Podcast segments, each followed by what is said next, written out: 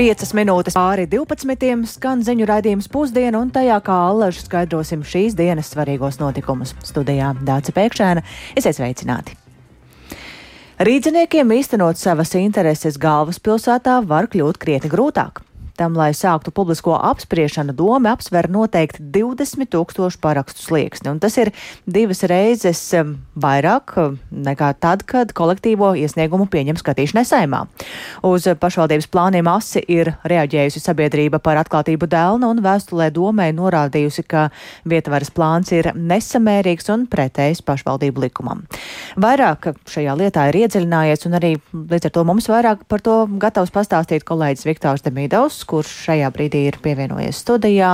Un, eh, līdz ar to, jā, sveiks, Viktor, saki, ko tad īsti doma plāno ieviest un eh, kādēļ? Jā, labdien! Apspriešana, publiska apspriešana ietver sevī ļoti daudzus jautājumus, un, piemēram, tas var būt par jaunu pārka izveidi, koku ciršanu, gājēju pārējais izveidi nu, un tā tālāk. Un, kā man teica Rīgas domē, tad līdz šim nekāda minimālā skaita, lai tu šo publisko apspriešanu sāktu, nu nav bijis.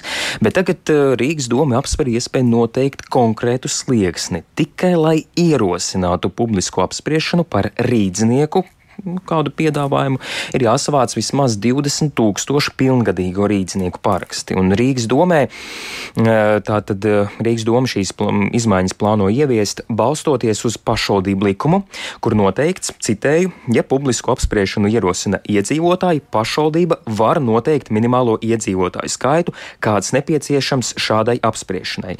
Un doma pēc citāta beigas Un tāda doma pēc konkrētas formulas ir aprēķinājusi, ka šis slieksnis ir 20,000 iedzīvotāji. Un jāatzīmē, ka runa nav par kolektīvo iesniegumu, ko iedzīvotāji var inicēt portālā Mana balss LV, savācot vismaz 2000 balsu, bet zinām līdzība tajā ir saskatām. Un, ja runājam par saimu, arī par to pašu kolektīvo iesniegumu, tad tad, lai iedzīvotāji, mm, tad, mm, lai, lai parlaments izskatītu iedzīvotāju kaut kādu ideju, tad ir vajadzīgi vismaz 10 tūkstoši parakstu. Tas ir, ja mēs salīdzinām to, to publisku apspriešanu ar kolektīvo, nu tā, tas ir divreiz mazāk nekā doma taisās ieviest to per, attiecībā pret to publisku apspriešanu. Un plašāk doma par savu ieceri līdz šim man nav komentējusi, aicinot sekot līdzi do, domas sēdei, kas, par ko viņi Tātad šis jautājums, šo jautājumu viņi plāno skatīt rītdien, bet vienlaikus viņi arī norāda, ka nu, izmaiņas varētu būt, jo iespējams būs kaut kāds asas diskusijas no deputātiem, jā, ņemot vērā, ka ir jauns kodols, jā, ka varbūt arī no opozīcijas, kas nu, izskanēs. Nu, proti, vēl nav tas tā noteikti, nē, nē, nē. tas tā būs. Tas, tas, nu, tas ir kā priekšlikums, un tad jau tālāk viņi skatīs. Un, un uh, pašvaldības plāniem pārmet organizācijas sabiedrība par atklātību Dāna, kas savā vietnē ir publicējusi ziņojumu, un Dānas ieskatā pie plānotais minimālais minimālais slieksnis publiskās apspriešanas ierosināšanai ir nesamērīgs, nepamatots un pretējs pašvaldību likumā nostiprinātajam tātad sabiedrības līdzdalības mērķim. Un, kā jau minēju, tad pašvaldības likumā ir norādīts, ka pašvaldība var noteikt minimālo iedzīvotāju skaitu, kāds nepieciešams šādai apspriešanai. Tad Dānas ieskatā šādai apspriešanai tas nozīmē, ka, lai publiskā apspriešana būtu uzskatām par notiku, notikušu, tad proti pašvaldība var noteikti minimālo iedzīvotāju skaitu, kāds nepieciešams, lai tā publiska apspriešanas nu, rezultāti būtu saistoši pašvaldībai. Un, turklāt, ja ja arī paraksti būtu savākti brīnumainā kārtā, jā, tad uh, tas nebūtu nenozīmē, ka doma to tik tiešām pieņems. Bet dēlnam ir kādu skaitu, cik tad būtu nu, pietiekami, kāds skaits būtu pietiekams? Skaitu piemina Rīgas apkaimju alianse, ar kuru es es esmu aprunājies, un viņuprāt tas skaits varētu būt 3, 3,5 tūkstoši. Arī salīdzinot ar to kolektīvo iesniegumu, ja sājumā, kur ir 10 tūkstoši, viņi saka, nu, Rīgā dzīvo nu, liela daļa Latvijas iedzīvotāju, un tad tā rēķinot varētu būt 3, 3,5 tūkstoši tādam slieksnim. 6 reizes mazāks nu, skaits. Respektīvi, jā, un ja uh, sabiedriskā, tātad vēl atgriežoties pie, pie Dānas pavisam īsi, tad uh, tas nebūtu arī nenozīmē, ka, kā jau minēju, parakstie būs savākti, ne, nebūtu nenozīmē, ka tālāk pašvaldība to izskatīs, jo, jo jautājums varbūt arī ļoti lokāls. Nu, piemēram, tā ir kaut kāda vieta ķēngaragā, kas diez vai interesēs cilvēkus vecumogrāvī. Baudrā, jā, imantā. Jā. Un, jā, atgriežoties pie Rīgas apgājuma alianses, viņi ļoti līdzīgi uzskata. Tad arī paklausīsimies tā vadītāja Māri Jansonu. Jāņem vērā, ka Rīgā ir parasti tās sabiedriskās apspriešanas par um, kaut kādu būvniecību, koku ciršanu, un tur ir ļoti reti vairāk kā tūkstots dalībnieku. Tāpēc 20 tūkstoši, nu, tas ir nereāli. Nu, mūsu uzskats ir, ka, ja taisa sabiedrības iesaistas mehānismu, tad taisa viņa iedzīgi. Ja, ja nevar uztaisīt iedzīgi, tad labāk, lai netaisa vispār. Jo, nu, tas vienkārši tad, uh, tas nav vajadzīgi kaut kāda tāda vienkārši skatu pēc. 20 tūkstoši, nu, tas ir nepaceļami. Tas, nu, tad ir jābūt, nezinu, viena reize paudzē. Droši vien ir tāds jautājums, kas var nu, tā viss nokaitināt.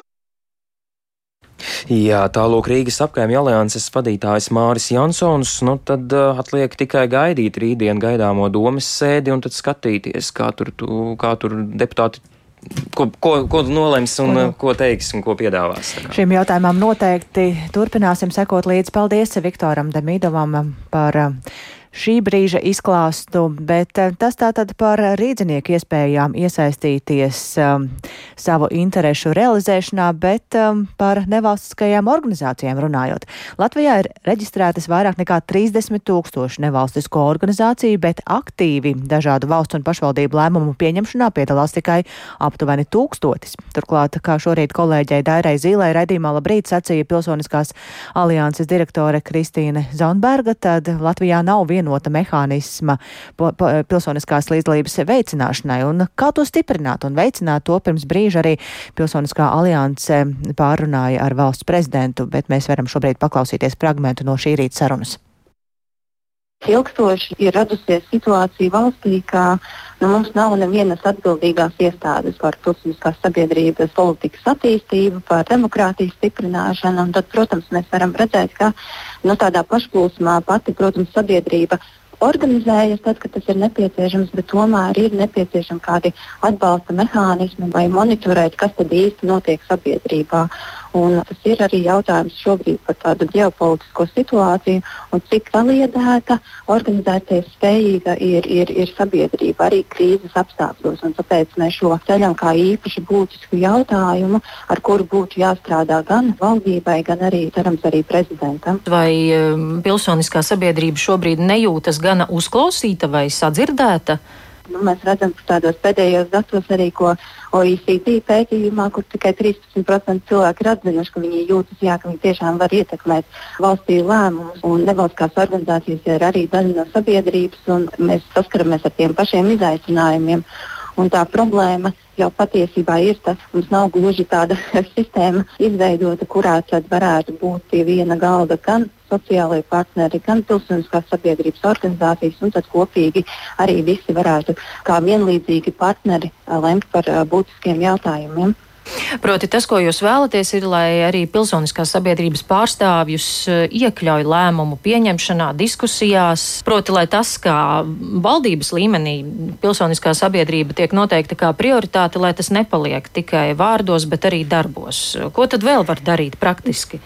Jā, jo tas par tiem lēmumu pieņemšanas procesiem. Ir arī viens no mums tādiem bīstamajiem uh, brīžiem, ko mēs esam pamanījuši, pētot arī par to, kāda ir tā faktiskā līdzdalība bijusi pēdējos trīs gados, un, un, un skatoties, kas ir piedalījušies lēmumu pieņemšanas procesā, mēs redzam, ka lēmumu pieņemšanas procesā ļoti izteikti ir biznesa un uh, pašvaldību intereses, bet uh, ir maz pārstāvētas dažādas sabiedrības grupas. Tāpēc mēs vēršam uzmanību par to, ka, ja mēs gribam pieņemt lēmumus, kas balstās uz, tomēr, uz sabiedrību vajadzībām, tad ir jādomā par šo pilsonisko dialogu, kur tiek saklausītas visas iesaistītās puses, jā, kur viedokļi bieži vien ir ļoti arī, uh, dažādi.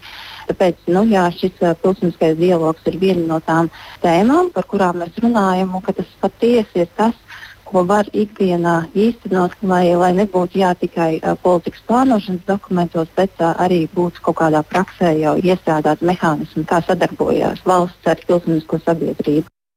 Tālūk šorīt raidījumā Labrīt pilsoniskās alianses direktora Kristīna Zonberga. Bet turpinājumā par jaunāko valdības veidošanas sarunās. Saimā tikko ir noslēgusies apvienotā saraksta tikšanās ar premjera amata kandidātes Evikas Siliņas un jaunās vienotības pārstāvu tikšanās.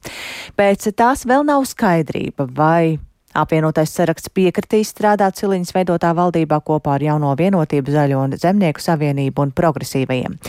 Vairāk gatavs stāstīt Jānis Kīncis, kurš seko līdzi šīm sarunām un šobrīd pievienojas mums tiešādē. Sveiks, Jāni!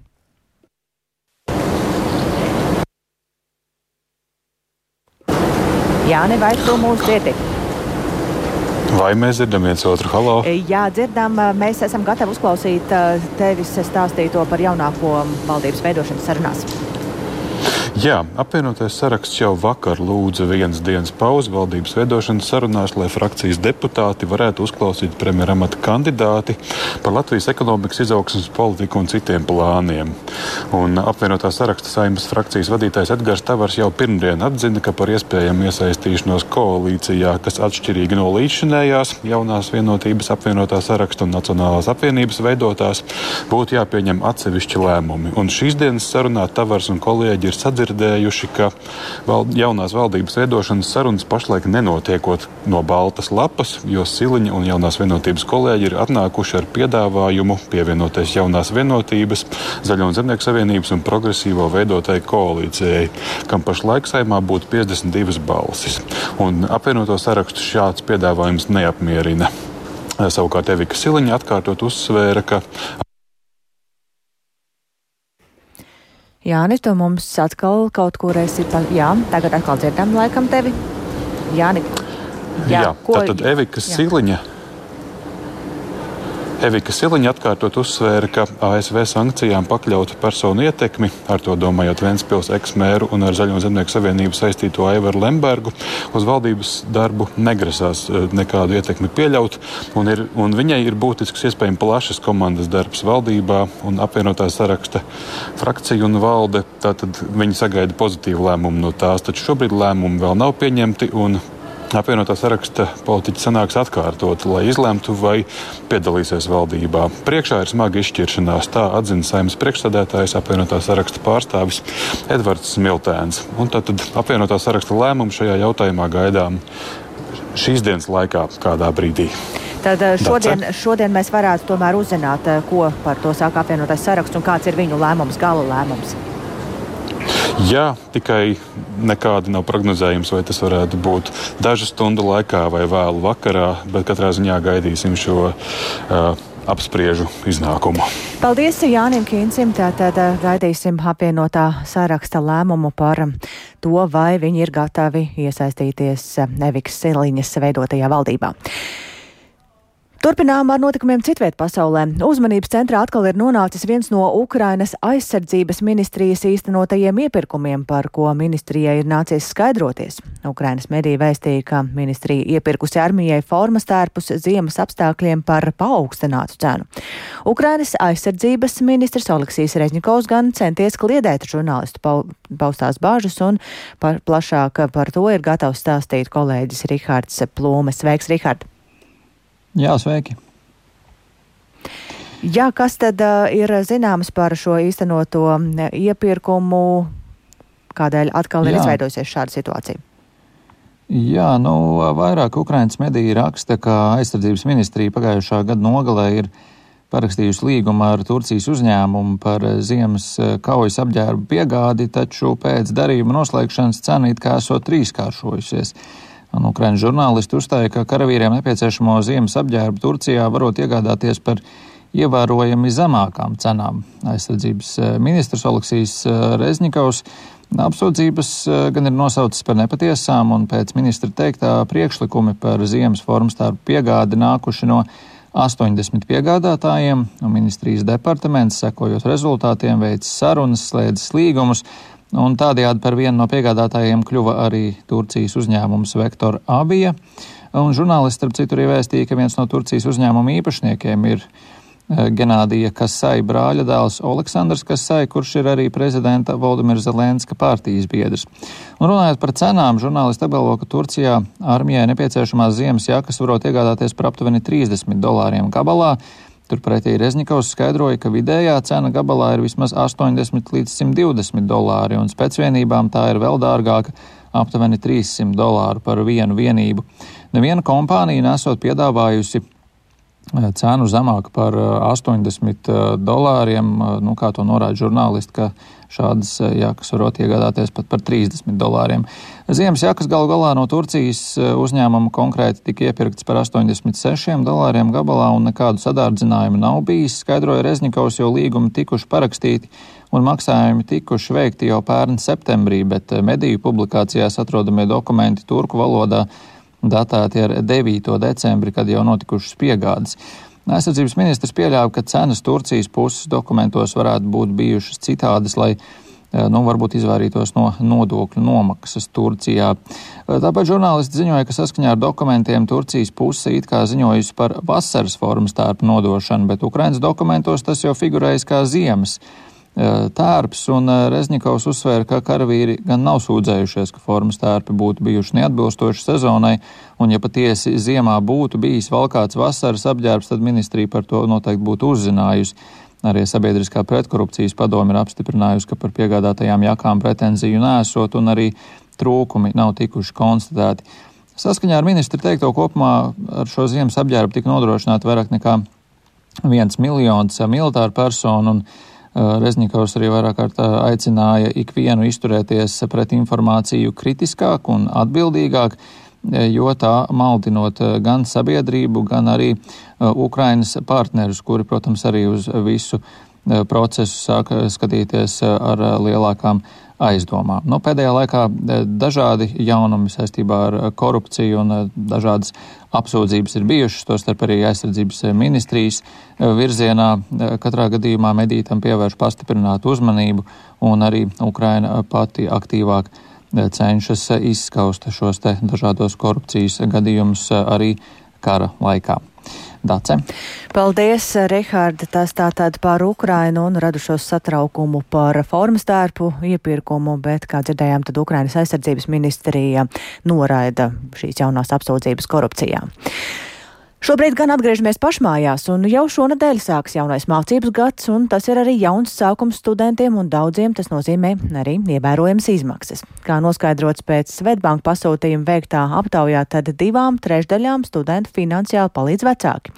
Tā šorīt kolēģim Kristapam Feldmanim programmā Labrīt sacīja Svetbanka uzkrājumu produktu līnijas vadītāja Agnese Grāvelsiņa. Viņai Kristaps vispirms vaicāja, cik tad izmaksā students. Tas, ko mēs skatām, aptaujājot studentus, tad lielākā daļa studentu norāda, ka vismaz 500 eiro būtu nepieciešami. Bet nu, tā statistika faktiski ir tāda, ka katram trešajam studentam tikai ir šāds ienākuma avots. Un tādā apmērā līdz ar to tad, nu, jā, ir tas vecāku atbalsts nepieciešams. Un, pēc mūsu aptaujas 64% ir tie, kurus atbalsta ģimene. Uh, bet ļoti liela daļa arī studentu ir tādu, kas paralēli studijām arī strādā. Bet cik daudz studējoši ir tādi, kas tomēr strādā un cik daudz cer tikai uz vecāku palīdzību? Studenti, kas strādā, ir um, 68%. Ja nu es pieļauju, ka arī kaut kas pārklājās, ja, kad nav tikai simtprocentīgi darbs vai simtprocentīgi vecāku atbalsts, ka tas iet teikt roku rokā. Ja.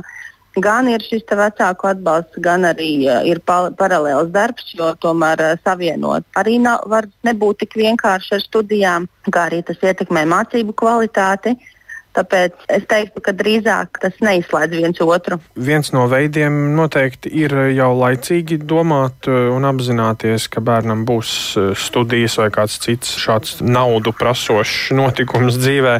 Cik vispār pieprasīti ir tādi uzkrājumi bērniem? Nu, ar tiem es domāju tādus, ko vecāki jau no bērna dzimšanas vai, vai mazotnes sāk atlikt kādu zinām naudiņu ik mēnesi.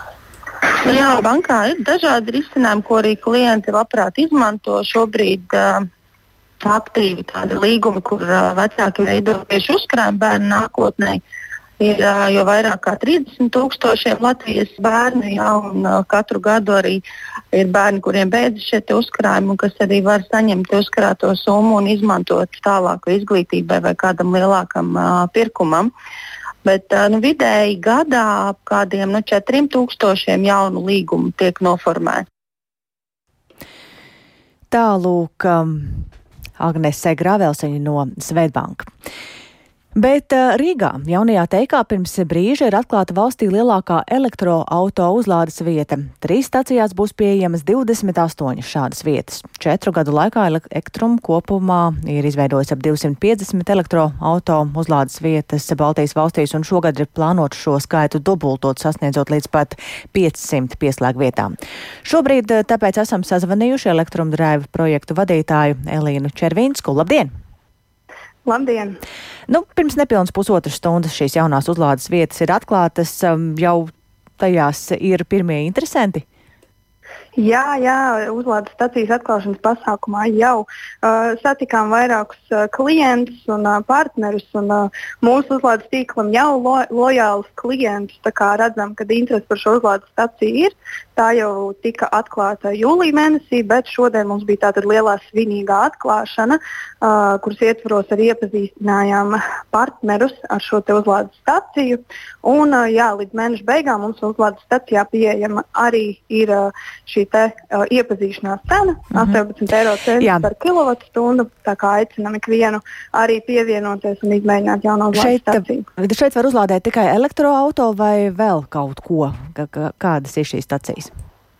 Elektroautorāta stacijas, jā. Mm -hmm. Kāpēc izvēlēta ir tieši šī vieta? Jā, nu, jaunā teika tā ir tāda Rīgas daļa, kas strauji attīstās. Kā zinām, jaunajā teikā ir gan uh, dažādi biroju centri. Viens no lielākajiem biroju centriem Latvijā tas ir arī šīs te, uh, dzīvojamās ēkas un dažādas pasākumu norises vietas. Un, um, šāda elektroautorāta uzlādes stācija attīstība visā, vispār šādos biznesa centros noteikti parāda uzņēmumu nostāju uh, attiecībā pret ilgspējas jautājumiem, kā arī tā jau kļūst par tādu pamatu vajadzību, kad šādos nekustamo īpašumu projektos šī uzlāde ir nepieciešama. Jo arvien vairāk, protams, parādās jauni elektroautori mūsu autoparkā ikdienas, tāpēc arī šie uzlāde ir jābūt pēc iespējas pieejamākai. Jūsu vērtējumā, cik vispār ir plašs šādu uzlādes vietu piedāvājums proporcionāli tam elektroautorāta skaitam? Proti, nu, kas tad aug straujāk elektroautorāta lietotāju skaits vai arī tieši uzlādes vietu skaits? Jā, nu, mēs redzam, ka Latvijā tā situācija ir laba. Uh, elektroautorāta uzlādes stacijas ir pietiekami daudz šī brīža elektroautorāta skaitam mūsu valstī. Un, uh, ir jau arī tā, ka šīm elektroautorāta uzlādes stacijām un šiem tīkliem ir jāattīstās tā teikt priekšlaicīgi, pirms uh, strauji aug šis elektroautorāta skaits valstī. Jo tomēr cilvēkiem jābūt pārliecinātiem, ka vietas vienmēr būs, kur uzlādēties. Tāpēc arī ļoti nozīmīgi ir šo tīklu attīstīt jau pirms tā straujā, straujā pieauguma, kas arī ir tas, ko mēs mēģinām darīt. Uh, nu, jā, jūs sakāt, ka šobrīd ir pietiekami, bet nu, viens ir šādu vietu pieejamība galvaspilsētā. Kā ir ar to citviet Latvijā? Uh, viens no projektiem, pie kā mēs strādājam, runājot arī par citām uh, valsts pilsētām, ir uh, tieši šī uzlādes stacija attīstība dzīvojamos rajonos. Mēs tur atjaunojot atsevišķus iekšējo pagalmu infrastruktūras objektus, transformatoru apakšstacijām uzstādām arī šīs uzlādes iekārtas, tādējādi nodrošinot uzlādi arī tiem elektroautorāta lietotājiem, kas dzīvo daudzstāvā ēkās. Tāpēc arī citviet Latvijā mēģinam tomēr šo uzlādi padarīt pieejamāku.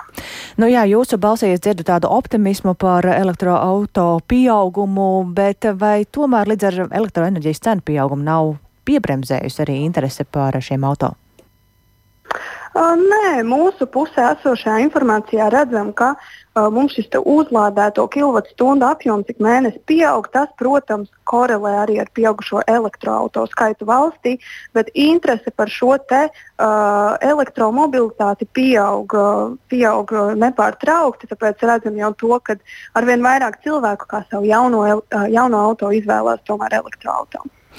Paldies, tālūk, optimistiski noskaņot elektromdrēvu projektu vadītāja Liena Červinska, par kuru, ar kuru sarunājāmies par Rīgā jaunajā teikā pirms brīža valstī atklāto lielāko elektroauto uzlādes vietu. Un ar to tad arī šobrīd izskan raidījums pusdiena. Tā producente Ilze Agīnta ierakstus montēja Krišjānis Tikāns par labskaņu, rūpējās Rīta Karnača un ar jums sarunājās Dāca Pēkšēna.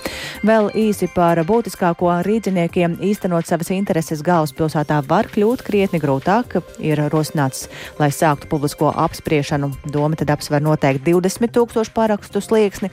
Ukrainas aizsardzības ministrija noraida jaunas apsūdzības korupcijā un Rīgā pirms brīža atklāta Latvijā lielākā elektroauto uzlādes vieta. Atgādināšu vien to, ka redzījuma pusdiena var klausīties arī sev vērtā laikā Latvijas radio mobilajā lietotnē, meklējot dienas ziņas, bet ēterā mēs tiekamies atkal rīt raidījumā pusdiena. Yeah.